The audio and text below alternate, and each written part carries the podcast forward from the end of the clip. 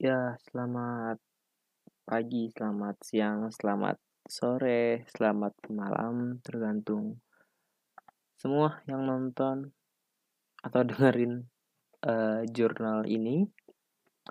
Dan selamat datang di jurnal mau tidur, di mana di sini adalah isinya ocehan-ocehan tidak jelas dari orang yang sudah separuh tidak sadar karena ingin segera tidur, tapi masih memiliki banyak hal yang ingin dibicarakan, dicurahkan dan dikeluarkan dari pikirannya untuk didengarkan oleh orang banyak walaupun tidak masuk akal kadang-kadang.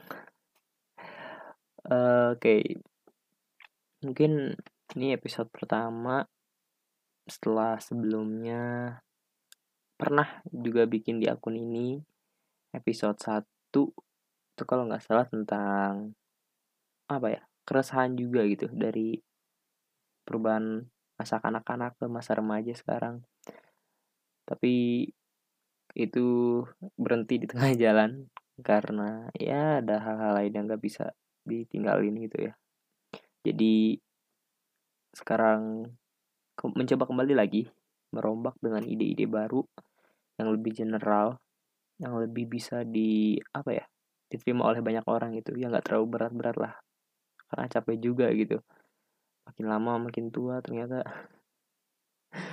e, beban hidup tambah banyak gitu ya. Jadi kalau mikirin hal yang berat-berat tuh kesannya kita nggak ada waktu enjoy gitu. Nggak ada waktu buat relax sebentar mikirin hal lain aja gitu mikirin hal-hal yang nggak penting tapi sebenarnya punya makna dalam. Okay. di introduction kali ini. Asik introduction. Di perkenalan kali ini uh, kami akan membahas tentang kenapa namanya jadi uh, jurnal mau tidur itu ya. Karena sebelumnya kan uh, nama podcast ini tuh kalau nggak salah jurnal absurd ya alasan digantinya pertama karena nggak ada ide lagi. Karena ketika kita datang ke sesuatu yang udah lama kita tinggalin dan emang ada niatan ingin mengubah sesuatu, yang lama ini lah ketika ada niatan ingin mengubah sesuatu yang lama ini itu perlu nama yang baru gitu ya identitas yang baru yang bisa membawa angin segar nantinya. Nah diambillah jurnal mau tidur ini karena beberapa udah dipikirin nama yang sekiranya bagus gitu ya. Tapi pada akhirnya malah bikin saya ngantuk dan capek sendiri. Akhirnya udah kita ambil gampang aja jurnal mau tidur. Terus siapa yang akan ngebawain acara jurnal mau tidur ini? Udah jelas yang akan ngebawainnya adalah saya tapi bisa juga ada teman-teman yang lain mungkin kalau misalkan nanti gitu ya saya udah bisa buat teman-teman buat ikut ngobrol-ngobrol nggak jelas di sini.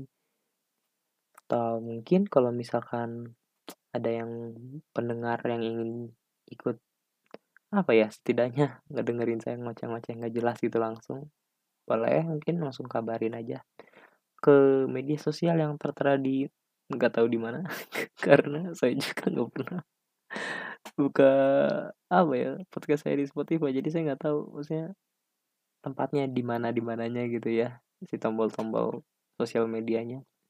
Atau di Anchor FM juga saya masih belum lihat belum lihat lagi karena udah hampir dua tahun. Eh, nggak uh, buka Anchor nggak buka podcast pribadi gitu ya di Spotify. Tapi uh, kira-kira gitu. Terus isinya apa lagi? Isinya apa aja uh, sebagaimana orang yang mau tidur biasanya kan obrolannya sudah nggak jelas ya. Siklusnya udah mulai kadang serius kadang nggak ngerti ngomong apa tapi cuman nyanyain aja. Nah di sini jurnal ini hadir sebagai tempat supaya saya ketika ada ide-ide yang nggak bisa saya ungkapin ketika saya sepenuhnya sadar itu bisa dikeluarin di jurnal ini. Karena biasanya kalau udah ngantuk tuh saya udah nggak mikirin apa ya grogi udah nggak mikirin harus mikirin apa ya persiapan itu udah nggak saya pikirin. Karena udah ngantuk udah pengen cepet-cepet tidur aja gitu bawaannya. Udah pengen cepet-cepet beresin ide-ide di kepikiran terus apa lagi ya di perkenalan tuh sebuah perkenalan. Mungkin untuk masalah kayak nanti arahnya podcast ini mau dibawa ke mana belum ada gambaran ya karena saya juga kalau misalkan terlalu ngeplan sesuatu tapi aksinya sedikit tuh malah justru nggak jalan. Jadi saya buat yang kayak gini biarin jalan aja dulu gitu. Jadi kalau misalkan udah tiba-tiba berkembang ya tinggal kita pikirkan saja gitu oke. Apa ya?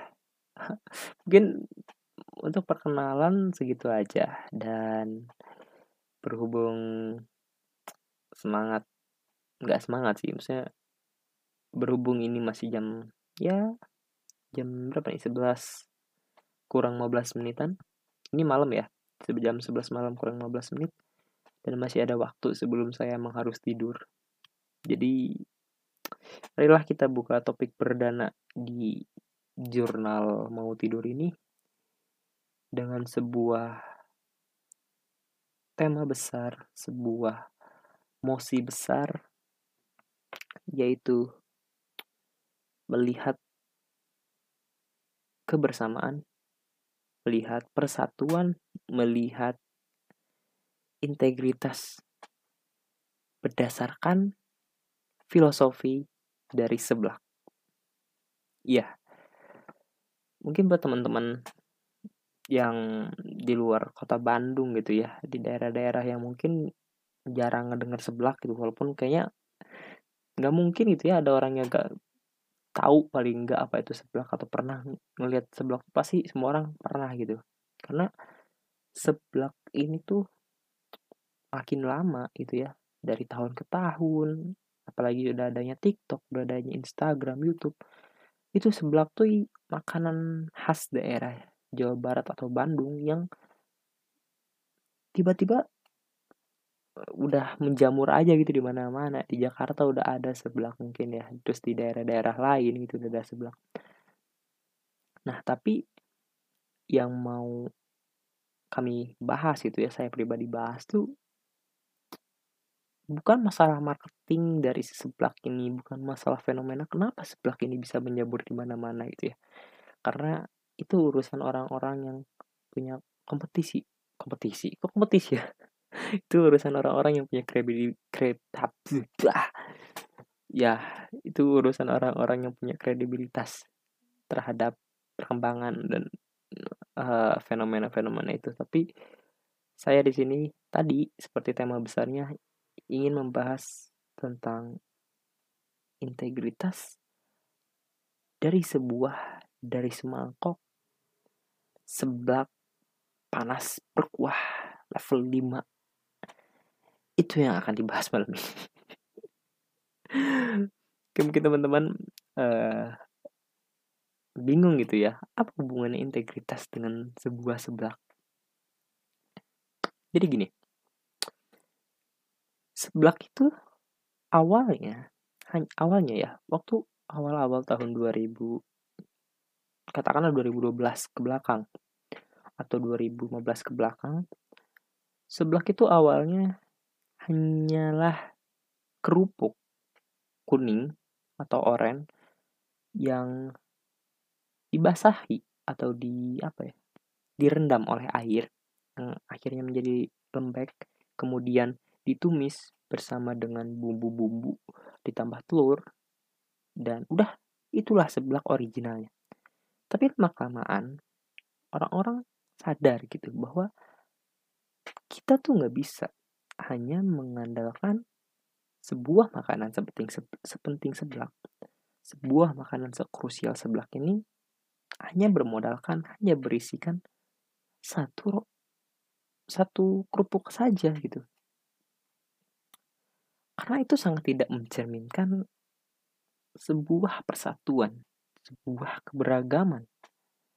Bagaimana bisa kita menikmati satu mangkok seblak panas berkuah dengan cabai level 5 kalau isinya cuma telur dan kerupuk kuning.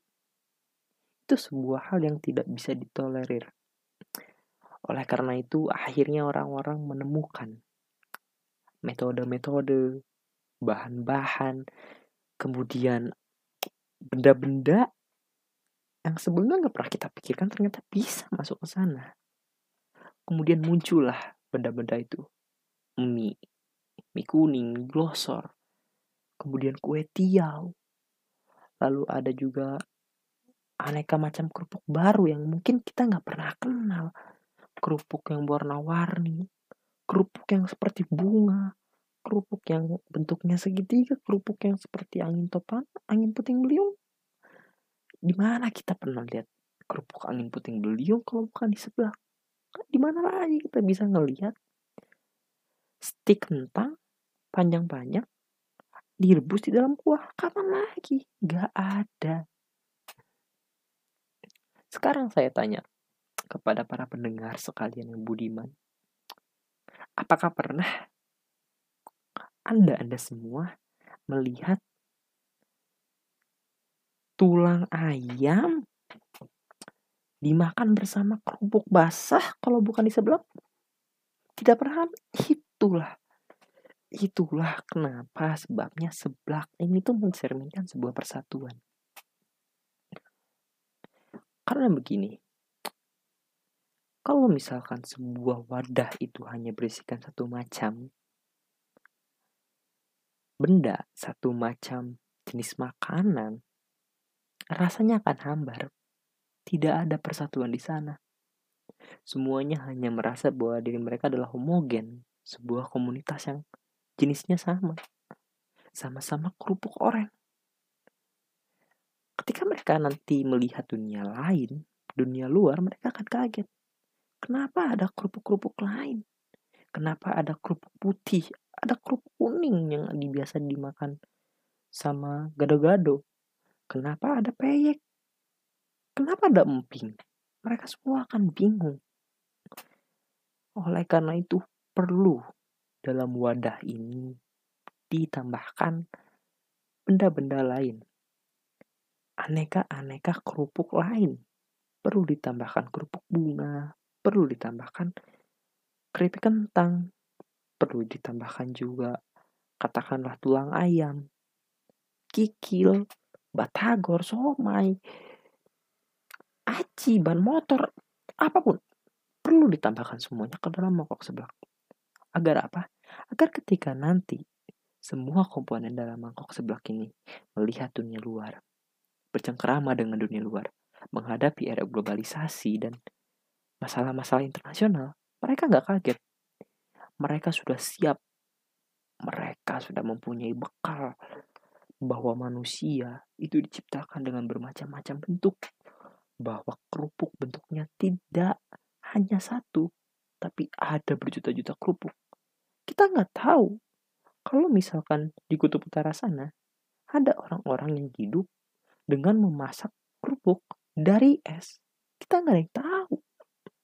Kita nggak ada yang tahu bahwa orang-orang di perbatasan negeri Cina sana ada yang masak keripik dengan daun. Kita nggak ada yang tahu.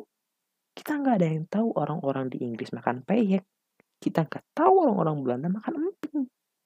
Semua itu kita nggak tahu. Oleh karena itu kita harus siap. Kita harus siap menghadapi perubahan. Kita harus siap menghadapi persatuan, keberagaman. Dan itu bisa kita pupuk dari seblak-seblak sejak dini. Makanya ketika teman-teman lihat gitu ya, itu tukang seblak, ada anak datang, memegang uang 5000 Kemudian dia memesan seblak dan hanya memesan tulang ayam saja, hanya memesan kue tiaw aja, hanya memesan mie glosor aja. Tolong, teman-teman. Teman-teman tatap mata anak itu. Teman-teman tepuk pundak anak itu. Kemudian teman-teman katakan kepada dia, Nah, kamu harus belajar mengenai persatuan dan perbedaan. Itu yang bisa dilakukan oleh orang-orang yang tidak mempunyai kapabilitas dalam membahas masalah ekonomi dan politik seperti kita ini. Ingatlah bahwa seblak diciptakan bukan hanya untuk satu kaum saja, bukan hanya berdasarkan satu kaum saja, tapi seblak diciptakan untuk berbagai macam orang di luar sana. Oleh karena itu, mari kita bawa filosofi-filosofi yang mungkin teman-teman gak pernah pikirkan sebelumnya ini menuju ke kancah internasional. Bawalah filosofi-filosofi ini tuh ketika teman-teman tidur. Ketika teman-teman akan bermimpi, jangan pernah bermimpikan bidadari-bidadari fana. Jangan pernah memimpikan mantan-mantan, pacar, gebetan. Itu semua hanya halal fana, hanya tipu daya dunia. Ingatlah, yang akan selalu ada di hati dan pikiran kita, selain Tuhan tentunya dan agama, adalah filosofi mengenai indahnya kebersamaan dan persatuan di dalam sebuah mangkuk seblak berkuah pedas level 5 yang akan selalu ada di hati kita semua. Jadi tolong kepada kaum-kaum SJW SJW di luar sana yang merasa bahwa seblak ini baunya hanyir, seblak ini makanan yang gak enak, seblak ini makanan kampung, tolong Anda jangan menjadi elit global ya. Kapan lagi Anda bisa makan kenyang hanya 5000 dan untuk penjual-penjual di sana yang menjual seblak di atas harga normal dan harga pasar, saya pernah menemui orang menjual seblak di atas 10.000 isinya hanya indomie dengan sosis ditambah kuah. Hei, Anda jual seblak atau jual apa? Maksudnya, kalau memang harganya 10.000 ya kasih rasa dan porsi yang pantas lah. Rasanya enak mungkin, pedasnya pas, atau isinya banyak dengan harga 10.000. Tolong jangan harga sudah tinggi tapi kualitasnya rendah. Tolong, semoga jadi koreksi untuk semua produser-produser seblak di luar sana karena saya juga cinta sebelah. Saya cinta keberagaman, saya cinta filosofi. Saya menikmati sensasi-sensasi ketika kuah seblak yang pedas level 5 itu masuk ke lidah, ke mulut. Kemudian rasa pedasnya dari cabai-cabai domba yang sudah dikulkas entah berapa lama. Dari saus-saus dan bumbu-bumbu pedas yang mungkin dibuat tidak higienis menusuk-nusuk lidah, memberikan rasa-rasa pedas, sakit, tapi enak. Enggak akan kita temukan di makanan-makanan lain. Kalau Anda merasa sebelah ini makanan murahan, tolong Anda tolong Anda buka mata dan hati Anda. Bersihkan wajah Anda, ceburkan muka Anda ke dalam got. Angkat kemudian pergi ke warung terdekat dan pesan seblak. Percaya itu adalah makanan terenak yang akan Anda pernah makan. Dan tolong, ketika teman-teman makan seblak, tolong, sangat tolong. Jangan pernah pesan seblak yang gak pakai pedes. Persatuan dan kesatuan, keberagaman itu, kalau nggak ada yang menghambat, tidak ada tantangan, tidak ada api yang menghalangi persatuan dan kesatuan, tidak ada masalah, itu gak akan terbentuk persatuan dan kesatuan yang kuat. Pedas, cabai, sambal yang ada di dalam seblak itu hadir untuk melatih kekuatan, fondasi, dan kebersamaan kita sebagai para penikmat seblak. Sebagai sebuah mikro dari makronya pemerintahan, kedudukan, dan masyarakat persatuan Indonesia. Jadi tolong teman-teman sekali lagi, kalau memang teman-teman gak kuat makan pedas, gak kuat makan seblak, tolong mending gak usah makan seblak. Atau mungkin teman-teman bisa paksakan diri teman-teman, karena apa salahnya makan sambal hanya barang satu sendok. Tolong. Karena saya pribadi sudah tidak kuat menghabiskan seblak adik-adik saya gak pakai sambal. Baunya hanyir. Nah, tolong. Tolong teman-teman renungkan sebuah emosi besar yang gak akan pernah dibahas di sekolah. Padahal ini punya esensi yang sangat dalam. Mungkin Sterling kalau mendengar ini akan tersentuh hatinya. Mungkin kalau jenderal-jenderal dulu dari pihak Belanda mendengar ini akan tersentuh akalnya. Mungkin para pedagang-pedagang dari Portugis ketika mendengar ini akan merasa kaget, takut betapa seorang anak yang hampir tidak memiliki kesadaran penuh karena ngantuk bisa memikirkan hal serevolusioner ini. Mungkin pedagang-pedagang dari Cina, India, Persia kala itu belum tahu tentang seblak dan kalau mereka tahu, mereka akan merasa bahwa seblak ini adalah ancaman elit global. Kita belum pernah ngasih seblak ke Bill Gates. Kita belum pernah ngasih seblak ke Steve Jobs. Mungkin Illuminati kalau datang dan bertemu kemudian merasakan seblak dan mengetahui esensi dalam esensi penting dari sebuah mangkok seblak, mungkin Illuminati akan mengeluarkan fatwa haram mungkin untuk seblak karena merasa seblak bisa menghancurkan tatanan dunia. Mungkin ketika nanti Illuminati menguasai dunia kita tidak akan bisa menemukan seblak di pinggir jalan. Tukang-tukang seblak ibu-ibu seblak semuanya akan hilang. Kita tidak akan pernah lagi melihat tulang ayam bertemu dengan pedasnya, kriminya, kuah seblak level 5. Tolong, saya tidak mau masa depan saya seperti itu. Saya tidak mau anak dan cucu saya tidak bisa merasakan sensasi sakit-sakit enak ketika makan seblak. Jadi tolong untuk semua masyarakat, mari kita mendukung seblak sebagai makanan yang menuju internasional. Go internasional karena seblak ini bisa menjadi salah satu keajaiban dunia, teman-teman. Di mana lagi teman-teman bisa merasakan makanan murah dengan porsi banyak dan rasa yang tak terkalahkan yang tidak ada di makanan Eropa, Jepang, kemudian makan makanan Chinese. Kalau bukan di seblak, itulah kesimpulan dan isi dari mosi malam ini. Sebagai konklusi dan sebagai penutup, saya akan mengeluarkan sebuah candaan yang selalu dihujat ketika saya mengeluarkan candaan ini baik ke orang tua saya dan ke teman-teman saya. Bercandanya adalah seperti ini. Hewan, hewan apa yang akan dioleskan ke tubuh manusia? Sekali lagi, hewan, hewan apa yang akan dioleskan ke tubuh manusia? Silakan teman-teman berpikir 3, 2, 1. Dan jawabannya adalah tapir surya. Ya, mungkin gagal, mungkin lucu, mungkin membuat teman-teman terpikal-pikal sampai handstand, saya nggak tahu. Mungkin juga nggak lucu, saya juga nggak tahu. Tapi kemungkinan isi podcast ini bisa membuat teman-teman bahagia dan uh, untuk teman-teman yang mungkin punya masalah selesaikan sendiri tolong karena saya juga punya masalah sendiri untuk teman-teman yang merasa harinya suram, tolong itu kacamata hitam diangkat dulu gitu ya, mungkin sinar mataharinya kehalangan sama itu kacamata. Untuk teman-teman yang merasa sedih, tolong